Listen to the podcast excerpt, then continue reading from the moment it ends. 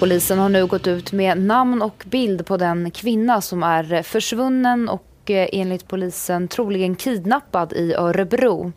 Lena Westström är hennes namn. Hon är 45 år och det här är hennes passbild som polisen nu går ut med och vädjar om tips från allmänheten om var hon kan befinna sig någonstans.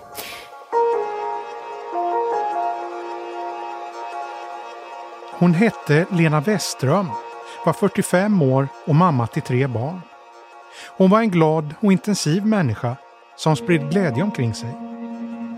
När hon plötsligt var försvunnen anade hennes närmaste oråd. Efter fyra dagars sökande hittades hennes kropp av en privatperson. Hon hade blivit mördad.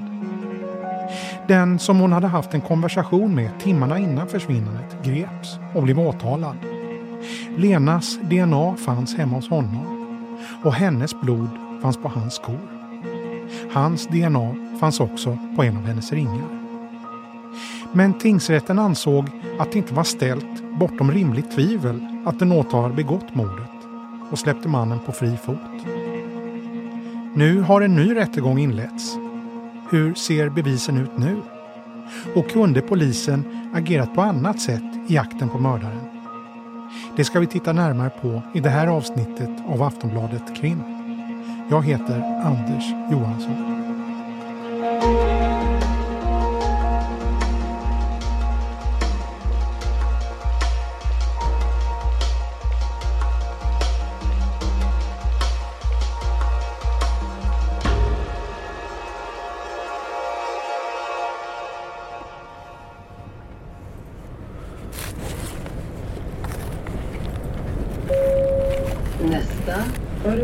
Central.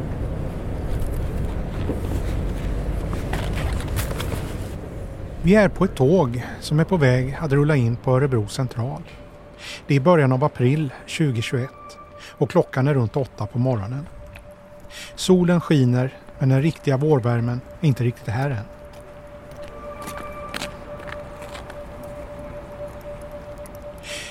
Några hundra meter från stationshuset ligger Örebro tingsrätt, vilket är målet för vår resa just idag.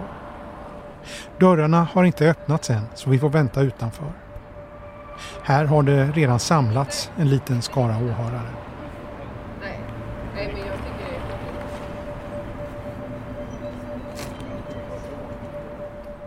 I folkmassan pratas det om det mål som vi är här för att bevaka. En man berättar att han köat sedan kvart över sju trots att rätten inte öppnar förrän halv nio.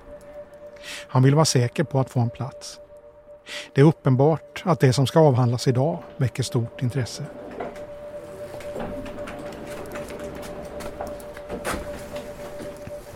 Efter ett tag öppnas dörrarna och vi får komma in.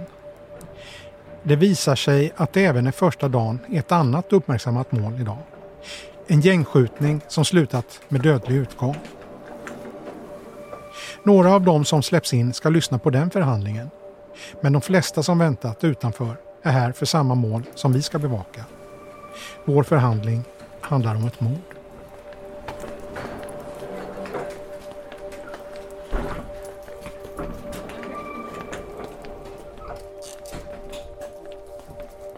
Vid kvart i nio dyker den tilltalade mannen upp. I den här typen av ärenden är den misstänkte ofta handfängslad och omgiven av personal från kriminalvården. Men så är inte fallet idag. Nu kommer han istället gående själv med en ryggsäck över axeln. Vi ska återkomma till varför det ser ut just så. Hans advokat visar in honom i ett sidorum där de får vänta tills förhandlingen ska börja. Vid niotiden är det dags. Åhörare och allmänhet till sal 2. Jag har information så ni som är får gärna komma så jag slipper skrika. Tack. När dörrarna öppnas får den tilltalade gå in först. Sen kommer de anhöriga. Vi i pressen och några andra åhörare kommer in sist i salen. På ena sidan sitter den tilltalade mannen och på andra sidan sitter några av de anhöriga. När alla samlats går rättens ordförande, Christer Ganelind, igenom förutsättningarna för dagen. Ja. Alla verkar redo. Då är ni välkomna hit till Göta hovrätt som håller då huvudförhandling i, i Örebro. Eh, Precis som domaren säger så gäller det här målet en hovrättsförhandling. Alltså ett mål som redan avgjorts i tingsrätten men som har överklagats och nu ska prövas igen. Inledningsvis går rättens ordförande igenom lite formalia och några specialregler som lagts till för att förhandlingen ska fungera även under coronarestriktioner. Men efter några minuter kommer han fram till avsnittet som beskriver varför vi alla är här. Eh, åtalet gäller mord. Har ensam eller tillsammans och i samförstånd med annan person på natten mellan den 14 till 15 maj 2018 i Örebro berövat Lena Westström livet genom att tilldela henne minst 17 slag i, ansikt, i huvudet och ansiktet. begick gärningen med uppsåt. Det hela handlar alltså om mordet på Lena Westström. Fallet blev mycket uppmärksammat under 2018 när hon först var spårlöst försvunnen och sen hittades död drygt 100 meter från sitt hem i Örebro. Det hela fick än mer uppmärksamhet två år senare när den man som misstänktes för mordet friades helt i tingsrätten. Nu, knappt ett år senare, ska målet alltså prövas igen och samme man ska än en gång höras i rätten. Men som ni märker så har vi börjat den här historien i fel ände. Så vi backar till den 14 maj 2018 till det som kan sägas vara startpunkten för det här ärendet. Nämligen ett larmsamtal till polisen. Polisen? Ja, hejsan Emelie heter jag. Hej. Hej. Du, jag och min sambo låg för en liten stund sedan i sängen med öppet fönster och hörde, eller vaknade av ett ganska så kraftigt kvinnoskrik. Okej, vart var det här någonstans då? Eh, vi är i Gamla Gärsta i Örebro. Ja. Eh, Emelie Lamgård som ringer in bor i ett område som heter Gärsta som ligger i Örebro. Hon har blivit väckt av sin sambo som hört hemska kvinnoskrik i närheten. Han ber henne lyssna. Emelie tittar på klockan och noterar att den är 23 och 28. Det var inte vilket skrik som helst. Det var hjärtskärande. Från en kvinna i nöd, som de uppfattade. Vi måste ut och det är nu, säger Emily till sin sambo. De klär sig snabbt, tar bilen för sin egen säkerhets skull och åker sakta runt med nervevade rutor omkring i närområdet där de tror skriket har kommit ifrån. Men de varken ser eller hör någonting som kan kopplas till de tre, fyra hemska skriken. De står stilla en stund och lyssnar. Och när det fortsätter vara tyst ringer Emily till polisen. Ja, det skulle ju kunna vara något som har hänt det klart. Och samtidigt så behöver det ju inte vara någonting alls. nej, precis. Men det var var mer det ifall det är avdelat, fler eh, som har ringt in eller sådär. Nej, inte ett enda samtal. Nej, nej för det var Men, eh, ganska så här kraftigt så, så det var ändå så att vi reagerade på det. Ja, man reagerar ju på skillnaden på skrik gör man ju. Ja, men precis. Det var ju upprepade gånger också. Så. Jaså, det var det? Ja. Bara skrik, inget ord i det hela eller? Nej, bara skrik. Alltså sån här gallskrik riktigt. Ja, okej. Ja, väldigt rådigt av er att åka ut och kolla i alla fall. Ja, Men Emily får ingen starkare respons från operatören. Emily Lamgård säger till oss idag, tre år senare, att det tynger henne att hon inte var mer övertygande i sitt samtal. Nej, men eh, som sagt, du är välkommen att ringa tillbaka om du så att Ja. ni hittar något såklart. Absolut. Men eh, vi eh, får be patrullerna lyssna lite noggrannare där ute nu. Ja, men precis. Så finns de i området. Ja, Bra, tack för att du ringde. Tack. Ja, tack. Hej. Hej. Dagen efter är en tisdag. Lena Westströms yngsta son fyller 12 år och ska firas. Den här natten har han sovit hos mamma och de två andra syskonen hemma hos pappa. De frånskilda föräldrarna har planerat firandet och tanken är att de gemensamt ska uppvakta sonen tidigt på morgonen. Redan strax efter klockan sex. Åklagaren ska senare i rätten berätta vad som möter exmannen och syskonen när de kommer dit. så står ytterdörren öppen eller i vart fall på glänt. Och när man går in så är Lena då försvunnen. Hon finns inte i bostaden. Nere på bottenvåningen ser de ett halvinslaget paket som ser ut att vara lämnat i all hast. Exmannen och syskonen börjar leta efter Lena. Och de letar då eh, i hemmet såklart och i tvättstugan, vi kommer höra när de beskriver i förhör, vid soprum där de går runt och letar efter Lena.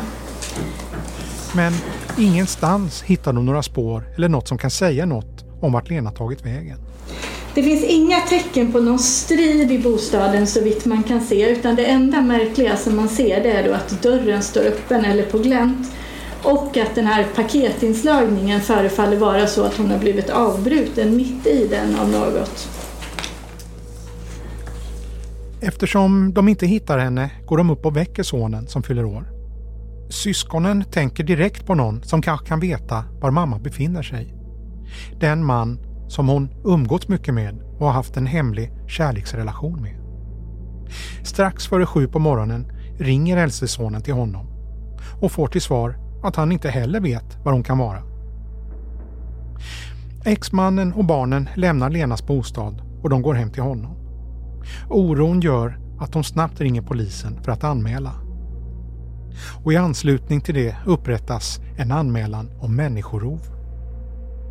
I det här läget är det fortfarande ingen som gör kopplingen till telefonsamtalet om kvinnoskriken som kommit in kvällen innan. Timmar senare kommer nyheten om Lenas försvinnande ut i medierna.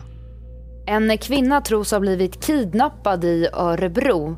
På tisdagsförmiddagen märkte hennes anhöriga att hon var spårlöst försvunnen och polisen utreder människorov. Det har kommit nya uppgifter också nu i det här ärendet. Vi ska gå till vår reporter. Dagarna som följer engagerar sig många för att leta efter Lena. Polisen vädjar om tips och söker i området med hundar, men hittar ingenting. Misstanken är då att hon har blivit kidnappad. En man anhålls ett kort tag men släpps snart igen. Vi ska återkomma till honom senare i avsnittet. Men först ska vi träffa en av dem som tidigt får reda på att Lena Westström är försvunnen. Det är du som Erik? Ja, det är jag som Anders. Hej, vad fint att du kunde ta det. Ska vi, ska vi fråga? Det här är Erik Fredholm som är vän till Lena Westström. Han är apotekare och jobbar med vaccinsamordningen i Örebro. Han är också nämndeman i tingsrätten, men har rättsligt sett inget med det här målet att göra. Han får beskedet om hennes försvinnande genom en annan gemensam bekant. Jag fick, eh, jag fick reda på det ganska tidigt av gemensamma kontakter och gemensamma vänner.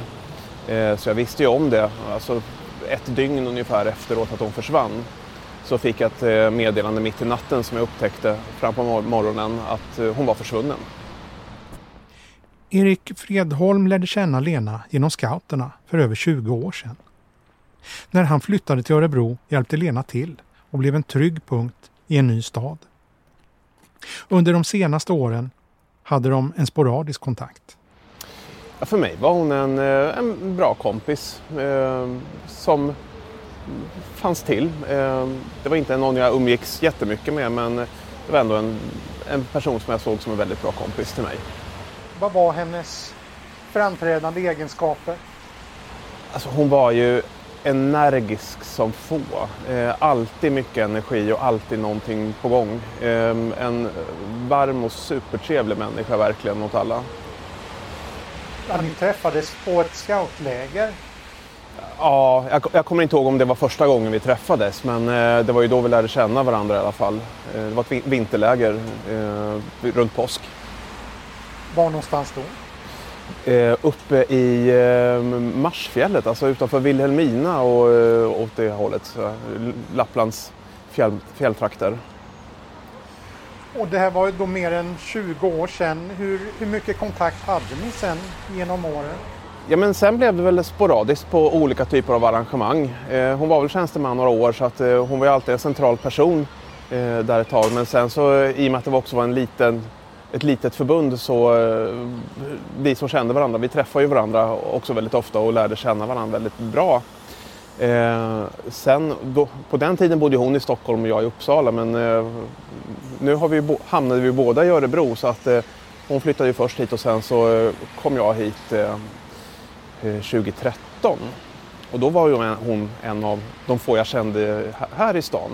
Så då blev ju om inte en eh, vardaglig vän som jag alltid träffade så var ändå en trygg kontakt att ha eh, i stan här i alla fall. Erik Fredholm berättar att även om de stod varandra nära så blev det inte så många tillfällen som de hade möjlighet att träffas. Det ledde till att de inte var helt uppdaterade om varandras liv. Men när han får höra att hon har försvunnit förstår han snabbt att någonting är fel. Alltså jag, jag hade ju inte vetat om vad som hade hänt runt Lena och, och hennes umgänge och att det hade varit struligt med vissa personer. Eh, däremot så visste ju den personen som kontaktade mig om att det hade funnits eh, en del problem. Eh, så att han var ju orolig på riktigt. Och hur började du tänka? Alltså jag förstod ju att det inte var bra. Men hon, hon hade ju lämnat ett av barnen hemma och det, det, det skulle inte hon ha gjort. Eh, och sen hörde jag ju på min eh, kompis hur han lät och så jag förstod ju från början att det var inte bra. Att det fanns en stor risk att det kanske skulle sluta illa. Och sen gick det några dagar? Ja, jag kommer inte ihåg exakt hur många dagar. Fyra? Ja, fyra precis. Fyra eller fem dagar. Eh, och sen så eh, kommer jag ihåg, vi hade lite utflykt med familjen. Då dök nyheten upp att det var en kropp som var hittad.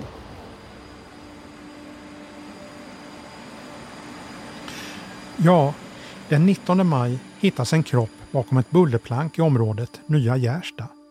Bara drygt 100 meter från Lena Weströms hem. Någon timma senare kommer också det ut på nyheterna. En person har hittats död i Örebro och polisen misstänker att eh, det är ett brott som ligger bakom dödsfallet. Det var privatpersoner som hittade kroppen och då var klockan halv tre här under lördagen. Eh, I det läget kan polisen inte bekräfta någon identitet. Men några dagar senare berättas att det är den försvunna Lena Westström som har hittats. Den kvinna som hittades död utomhus i Örebro i lördags är tidigare försvunna Lena Westström. Det här bekräftar nu polisen. Och det här efter att de har fått svar från Rättsmedicinalverket där kroppen undersökts. Hennes kropp är illa tilltygad. Rättsläkarna ska senare räkna till 17 olika skador i huvudet och i ansiktet orsakade av någon sorts tillhygge. Och det finns omkring 300 blodstänk på platsen. Ärendet rubriceras snabbt om till mord. En av utredarnas uppgifter är att kartlägga Lena Westerums sista tid i livet och ringa in tidpunkten för brottet. Positioneringen av hennes mobiltelefon, som inte kunnat hittas, ger ändå vägledning och visar att hon lämnar hemmet klockan 23.23. 23. Telefonen befinner sig från 23.25 stilla vid området nära fyndplatsen och var på samma plats i 11 minuter fram till 23.36. Den sista positionen registreras 23.38 precis utanför området vid fyndplatsen. Och det antyder att förövaren har med sig telefonen bort därifrån. Så småningom kopplas larmsamtalet ihop med mordet där Emily Lamgård och hennes sambo noterat skrik från 23.28 och sen ytterligare skrik fram till omkring 23.35. Tidpunkten för brottet är på så sätt fastställd. Utredarna finner också att Lena Westrum chattat med flera personer under kvällen. Och en av konversationerna kan tolkas som att hon bestämmer träff med en av dem kort innan hon lämnar bostaden. Med mannen som hon haft en hemlig kärleksrelation med. Lena Westrum hade skickat en bild föreställande en hjärtformad kaka. Mannen uppfattade det som en inbjudan att träffas. Men han säger senare att han aldrig åkte iväg för att träffa henne. Istället höll han på att vattna gräsmattan på natten inför en resa till USA på två veckor. Han höll också på att fixa växlarna på sin cykel som förklaring till att han varit ute och cyklat på natten, bland annat på gatan intill mordplatsen. Det kommer också fram att Lena Westrum polisanmält honom tidigare för att ha varit våldsam. Det har gått två och en halv vecka sedan 45-åriga Lena Westström anmäldes försvunnen från sitt hem i Örebro. Nu har en misstänkt man i 40-årsåldern precis häktats av eh, Örebro tingsrätt, skäligen misstänkt för mord. Mannen blir polisens huvudspår, blir gripen, anhållen och häktad. Han friges efter en vecka men blir häktad igen i slutet av augusti, tre månader efter dådet. Vid husrannsakan hemma hos honom finns nämligen en mängd besvärande spår. Bland annat hittas Lena Westerholms DNA på fronten på hans tvättmaskin. Och på hans ena sko finns blod från henne. Konfronterad med de uppgifterna tror han att det kan ha avsatts vid ett tidigare tillfälle då de haft sex. Senare lämnar han en annan förklaring som går ut på att bänken intill tvättmaskinen brukade användas för att snickra på och att Lena kanske hade skadat sig där. Åklagarna hos sin sida menar att spåren avsatts när gärningsmannen tvättat sina kläder som varit nedstänkta med offrets blod. Andra besvärande spår är att hans DNA hittats på den kjol Lena Westerholm bar då hon blev mördad. Hans DNA fanns även på en av hennes ringar, vilket misstänks ha avsatts då hon försökt försvara sig. Och på mannens egna ben finns också ett färskt blodigt sår som utredarna tror att han fick när han rörde sig i buskaget där mordet skedde. Dock har hans blod inte kunnat hittas där. I förhören uppfattas den misstänkte ha en nonchalant attityd. Han småskrattar och flinar åt flera av de frågor han får, vilket får förhörsledaren att inskärpa allvaret i situationen flera gånger. En gång låter det så här. Det är jäkligt märkligt. Jag tror inte du riktigt förstått vad det här handlar om riktigt. Varpå den misstänkte svarar. Ja, jag vet att jag ofta flinar i fel situationer. Jag har säkert gjort det nu också. Det är en sak som jag jobbar jättemycket med. Det är ett känt problem.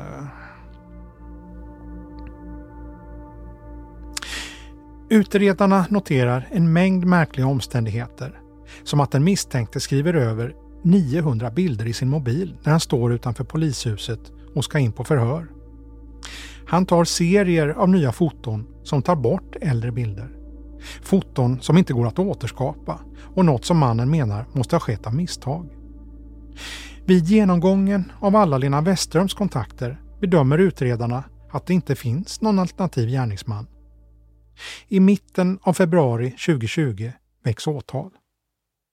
Det var i maj 2018 som en kvinna anmäldes försvunnen i Gärsta och idag inleddes rättegången mot en man som polisen länge trott mördat Lena Westström. Den 26 februari börjar huvudförhandlingen i Örebro tingsrätt. Nästan två år efter att Lena Westrum hittades mördad har åklagaren kommit till en punkt där bevisen anses vara tillräckliga för en fällande dom. Bevisen som åklagaren lägger fram är några av dem som vi har nämnt tidigare. DNA från Lena Westrum hemma i den åtalades tvättstuga. Hennes blod på hans ena sko. Och hans DNA på hennes kjol och på en ring som hon bar vid mordet. Men under tingsrättsförhandlingen framgår också att det finns luckor i bevisningen. En sån lucka är att man inte lyckats hitta något mordvapen. Enligt åklagaren användes ett tillhygge. Men längre än så har man inte kommit i utredningen. Jag överlämnar förhöret till åklagarna. Varsågod. Tack. Hej Göran igen. Du, vissa frågor kommer... Kriminaltekniker Göran Schwartz är ett av vittnena under tingsrättsförhandlingen.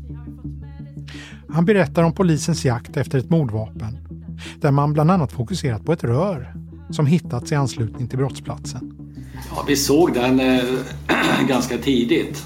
Eh, vi letade ju efter föremål. Det har varit en stor del av, av eh, det vi har fokuserat på. I, i, dels i det här inre området men även utåt gärden och överallt sen att se eh, kan det vara något verktyg, en sten eller någonting som kan ha med det här brottet att göra. Vi såg den här rördelen om vi kallar det för det så stack den upp ur gräset som en lite blank yta, eh, ganska liten då.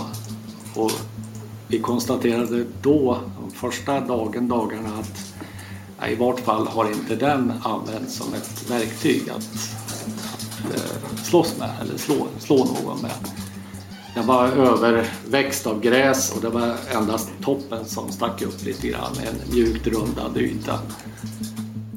Nej, röret verkar inte ha använts. Och när åklagaren frågar om man från polisens håll hittat något som kan vara mordvapnet blir svaret nej. Nej, det är egentligen enda spår om det går att koppla ihop till det är de islagen i trädet. Mm. Förutom då skadorna som motsägaren hade. Det har jag naturligtvis tittat på för att försöka bilda mig en uppfattning men det var väldigt otydliga skador på som, som jag har fått mig till, till livs på kroppen och på, på skallen, på kraniet. Det var svårt där. Och, eh, men utifrån eh, trädets islag där så är det något hårt. Eh, det ena skadan har en, en form, att den är lite rund men med en mer avkapad kant.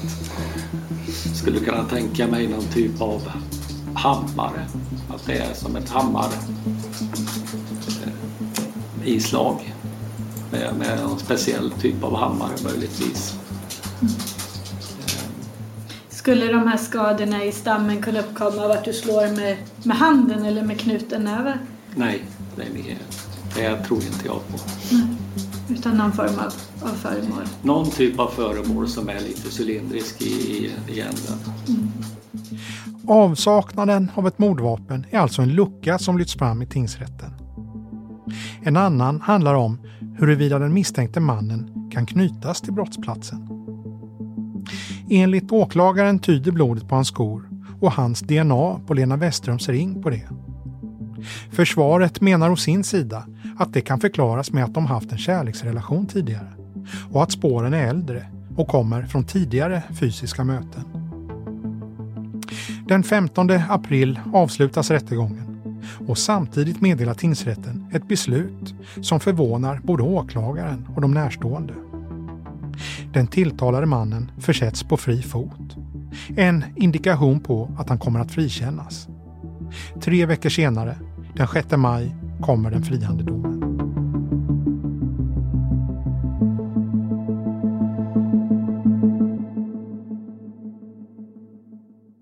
I tingsrättens friande dom framhålls att åklagarna inte lagt fram någon ordentlig bevisning för att mannen ens varit i närheten av platsen vid tiden då Lena Westström blev bragd om livet. Örebro tingsrätt anser att det finns omständigheter kring själva brottsplatsen som skapar utrymme för en alternativ gärningsperson. Exempelvis en liten tråd som polisen hittat intorkad i Lena Westerums blod vid ett sår, men som inte kunnat kopplats till något klädesplagg. Sammantaget anser tingsrätten att det inte är ställt utom rimligt tvivel att den åtalade har dödat Lena Westström. Det finns kort sagt för många luckor i bevisningen. En sakkunnig på området har studerat utredningen och har sin uppfattning klar om varför det blev så. Hallå? Ja, hej Leif. Det är Anders Johansson på Aftonbladet. Ja, hej på det. Hej, hej. Leif GW Persson, den pensionerade professorn i kriminologi, menar att en stor förklaring till att åtalet föll är brister i polisarbetet. Han menar att detta sköts dåligt under det inledande skedet av förundersökningen. Han tar bland annat upp att spaningsledaren då åkte på semester. Eh, de första dagarna är ju väldigt kritiska. Va? Och det här var ju ett försvinnande. Och, men hon har ju hela tiden funnits i närområdet där. Men, men så var det någon som sprang på. Och jag kommer inte ihåg veckodag, men jag får att det inträffade i början på veckan. Om man hittar henne på fredagen eller lördagen eller något sånt där. Och, och, och, du vet, ja det är jätte... Och det räcker med att det regnar lite för mycket så blir det knepigt. Men, men... Um, så att det blev en besvärlig utredning.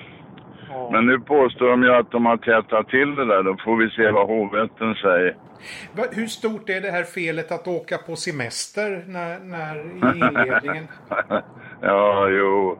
Nej, men alltså det är, det är väldigt viktigt vid den här typen av ärenden. Va? Att du ligger på som fan i början. Va?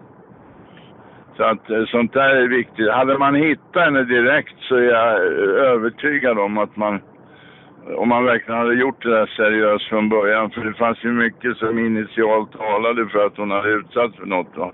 Att, att då tror jag man hade fått en helt annan och mycket bättre spårbild. Va? Både i tvättstugan och hemma hos honom och hemma hos henne och framför, framförallt på brottsplats.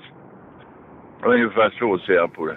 Just det, så de här dagarna som, som det Ja, fördröjdes... de är jävligt kritiska. alltså. Jag brukar säga det. Eh, Om ni inte klarar upp sånt här eller säkrar sådana spår som man kan, gör att man kan klara upp det. Typ Linköping som man klarar upp 16 år senare. Om ni inte gör det under första veckan då har ni halverat era möjligheter att få, få en uppklaring. Det faller blixtsnabbt med tid, tiden som passerar. Och speciellt sådana där ärenden där man från början inte har någon kropp. Va? Eh, Och den här natten så kom det ju in, det var ju ändå ett larmsamtal om, och från en... en Ja, oh ja, oh ja. Det är ju någon som har ett skrik där som har klippts av och sådär. Så men, men det gjorde man ju då. Man åkte väl i stort sett dit och tittade och gjorde en sväng och så åkte man hem igen. Och sen är hon puts väck då. Va? Men det, det, det är polisens fel, eh, tror du att... att Nej, fel. Men, men det vanligaste orsaken till att, att man inte klarar upp ett sånt där ärende, det är den vanligaste enskilda orsaken, det är ju faktiskt att man har brustit i polisarbetet. Va? I, ibland så kan det vara så att man inte klarar upp det ändå för det är för jävla svårt. Va? Det, det finns ju ett antal ärenden, inte så ofta men någon gång per år, där vi aldrig får identitet på offret. Va? Och då vet du fan inte var du ska börja. Va? Eh, Och, och de är ju nästan alltid körda va. Alldeles oavsett hur, hur jävla kreativ och kameral man är va. Men, men sådana här ärenden, eh, de ska man normalt klara upp. Och när man inte gör det så beror det på att det har brustit i, i polisarbetet. Eh, Och så det får, får nog vara förklaringen till det här eländet som utbryter. Hade man hittarna inom 24 timmar då, då tror jag att då hade han suttit, den här domen hade suttit som en keps på hans huvud.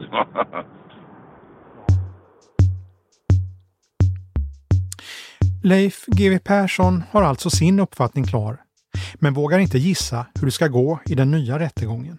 nej, nej, det är nog han allt. Men, men som sagt, eh, jag vet inte jag. Jag vågar inte gissa någon utgång. Eh, har de blivit friade i tingsrätten så brukar det stå sig.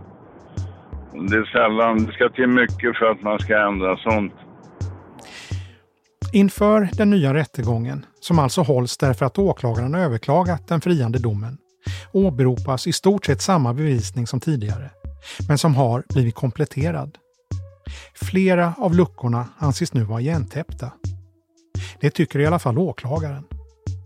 Försvarssidan har motsatt uppfattning. I början av april 2021 är det samling i Örebro tingsrätt igen.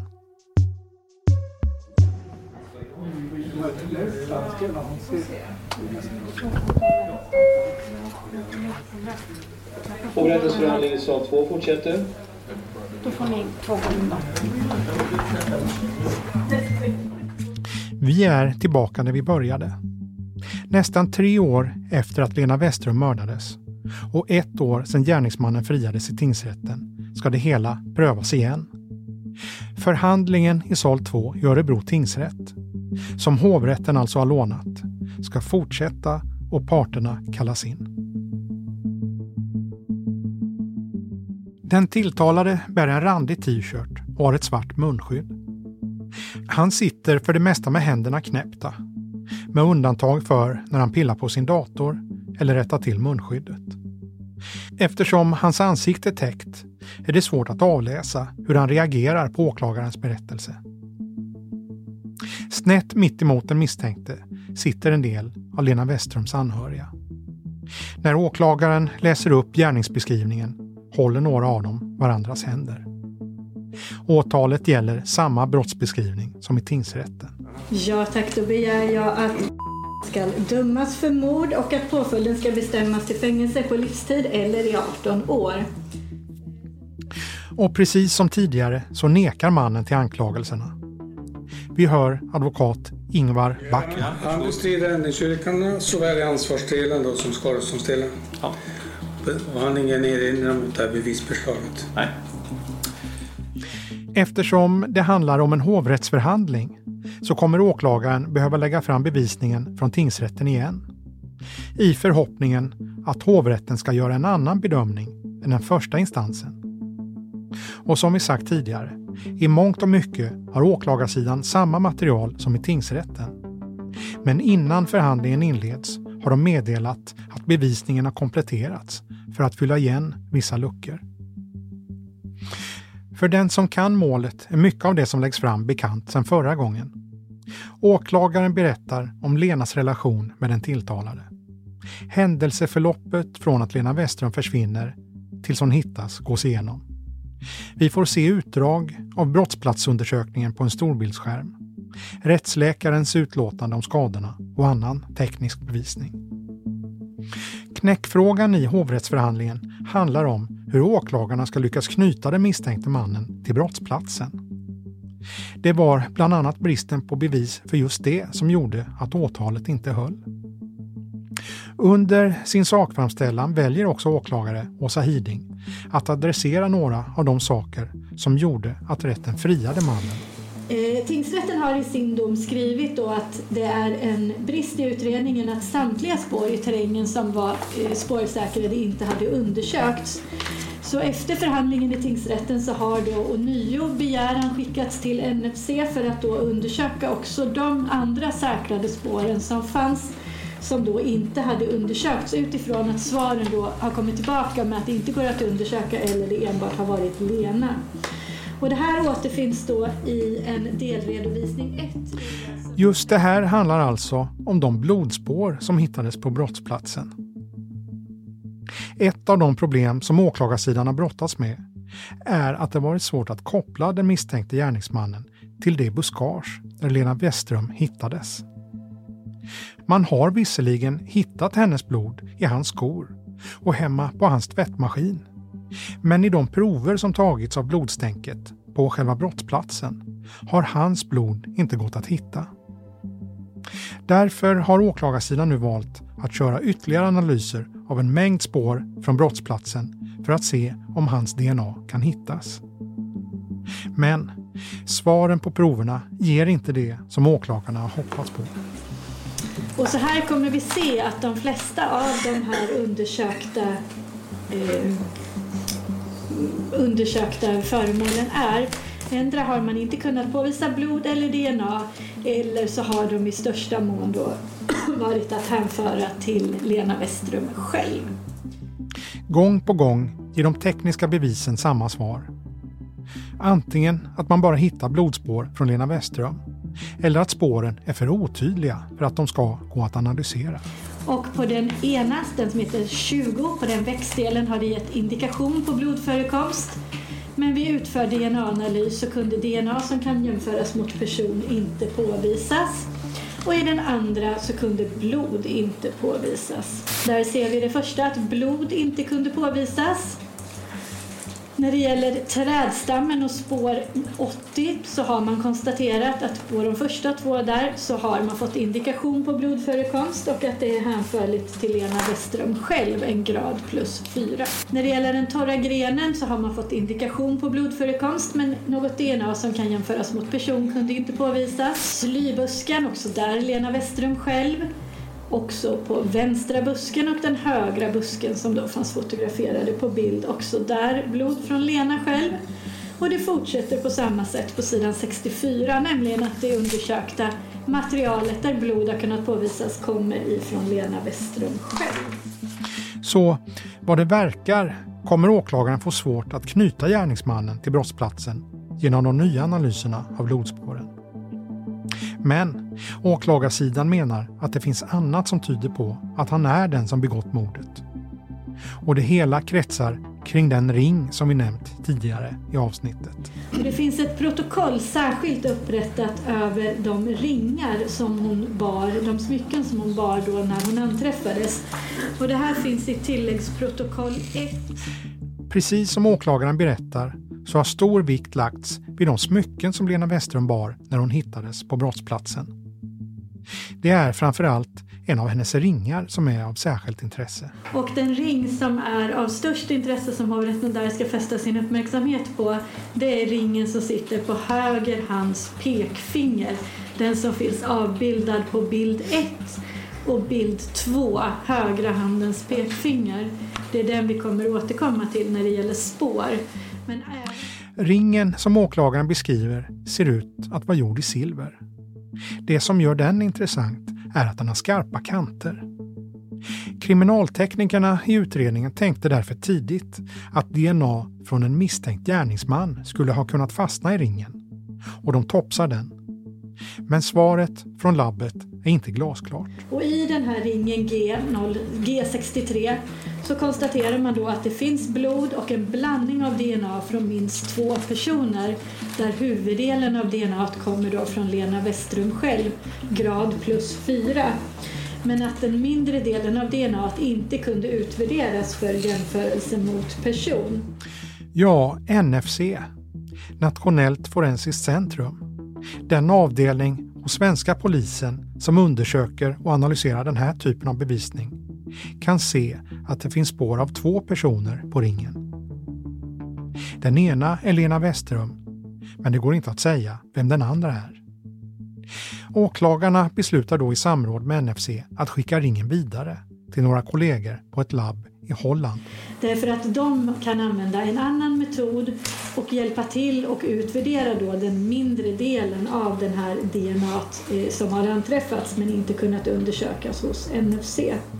Ett tag senare kommer svaren från Holland tillbaka. I analysen går att läsa att man prövar hur sannolikt det är att DNA på ringen kommer från den misstänkte gärningsmannen. Och det man gör då är att man ställer de här antagandena mot varandra. Nämligen antagande 1, nämligen att det här är DNA från Lena Westström och och så ställs det mot antagande 2, nämligen att det är DNA från Lena och en slumpmässig okänd individ. Och det man konstaterar då är att den här blandade DNA-profilen är ungefär 12 miljoner gånger mer sannolik om påstående 1 är sant än om påstående 2 skulle vara sant. Och påstående 1 är att det kommer från Lena och Det verkar alltså som att DNA på ringen kommer från den man som åklagarna pekar ut som den misstänkte gärningsmannen. Den här bevisningen är inte ny för hovrätten. Även i tingsrätten la åklagarna fram DNA-proverna som hade analyserats i Holland. Men även om det här rent medialt beskrivs som ett av åklagarens starkare bevis under den förra förhandlingen så valde tingsrätten att gå en annan väg. Vi hör åklagaren igen.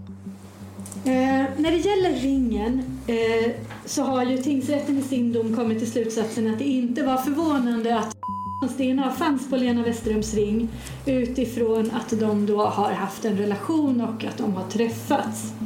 Och I den här delen så har förundersökningen kompletterats efter förhandlingen i tingsrätten. Det som hände i tingsrätten var att den åtalade mannen berättade att han träffat Lena Westrum bara några dagar innan mordet. Eftersom de haft en fysisk relation menade tingsrätten att det inte var så märkligt att hans DNA fanns på ringen. Det är den här förklaringen som åklagaren nu vill sticka hål på i hovrätten och har därför valt att komplettera DNA-proverna med ny bevisning. Det handlar om två saker. Bilder från en övervakningskamera och ett foto på en diskad skål.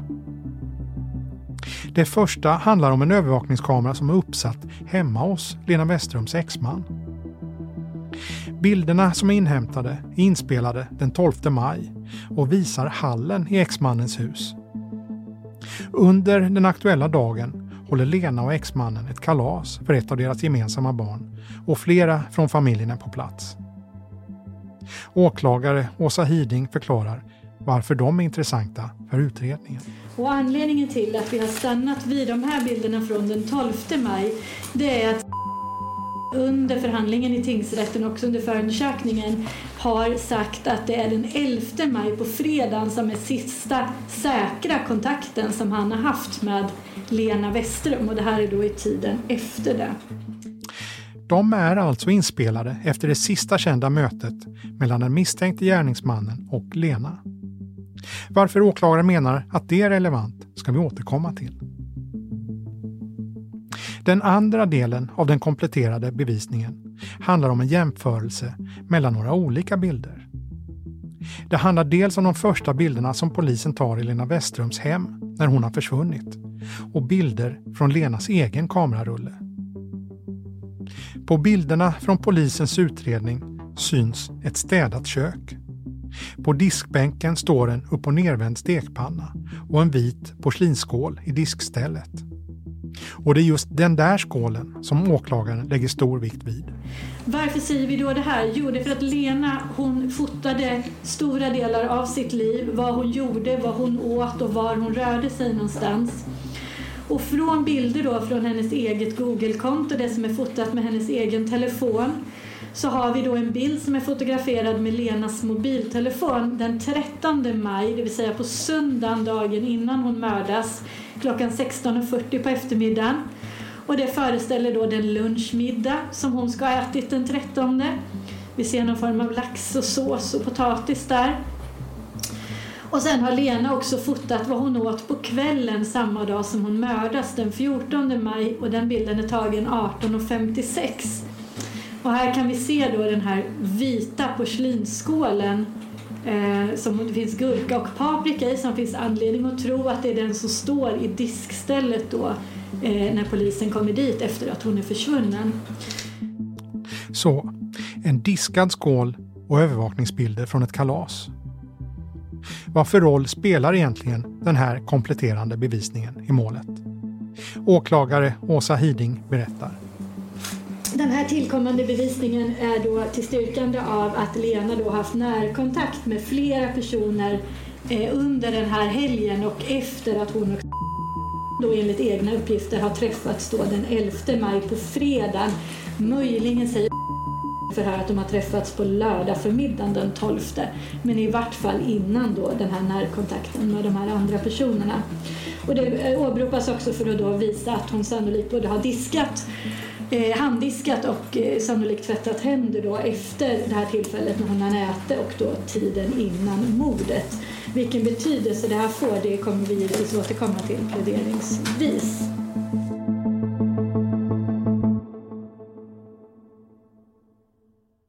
När den här podden spelas in återstår många av de planerade 18 dagarna i rätten.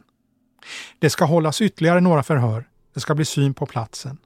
Och all den muntliga bevisningen från tingsrätten ska spelas upp igen. Och bara det beräknas ta 46 timmar att lyssna på. Om åklagarens nya kompletterande bevisning kommer att räcka till en fällande dom återstår att se. Några som är spända på vad som ska hända i rättegången är Lenas föräldrar. De vill inte ställa upp på någon intervju för närvarande, men säger till oss att talesättet “tiden läker alla sår” inte stämmer utan att sorgen och saknaden tvärtom bara blir större. De för sin del anser sig vara övertygade om vem som är gärningsman och hoppas att den nya rättegången ska leda till att rättvisa skipas, även om det inte ger dem Lena tillbaka. Åklagarsidan menar att bevisningen är entydig. Att det inte finns någon annan möjlig gärningsman än den åtalade. En person som i sin tur fortsätter neka till alla anklagelser. Vännen Erik Fredholm, som också är nämndeman och som vi hörde tidigare avsnittet, kommer också att följa den nya rättegången med stort intresse. Ja, eh, jag hoppas att sanningen kommer fram. Eh, jag vill inte se någon oskyldigt dömd men jag vill ju verkligen att det här ska bli ett rättvist avslut eh, för Lenas skull och för eh, Lenas barns skull, att de faktiskt ska veta vad som hände. Inte bara vem som var skyldig utan vad som hände och varför. Eh, det undrar alla vänner och alla som varit med om det här. Det är jag menar, för allas skull att få ett rättvist avslut.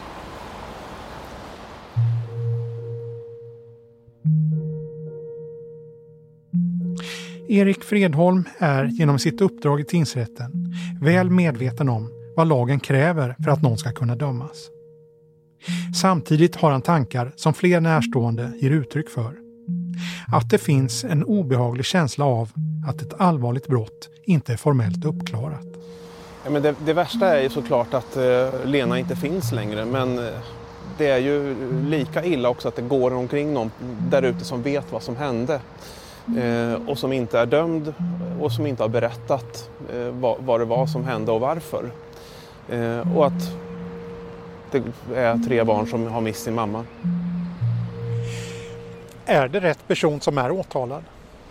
Ja, det vågar jag inte ge mig på och säga i. Det, det får jag nog lämna till domstolen.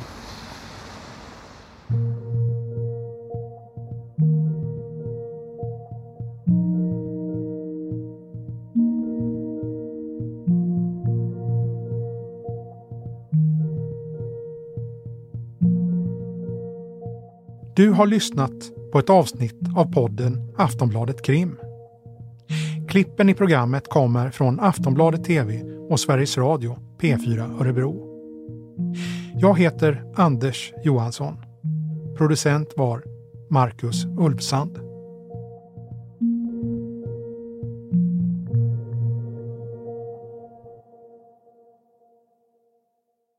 Du har lyssnat på en podcast från Aftonbladet.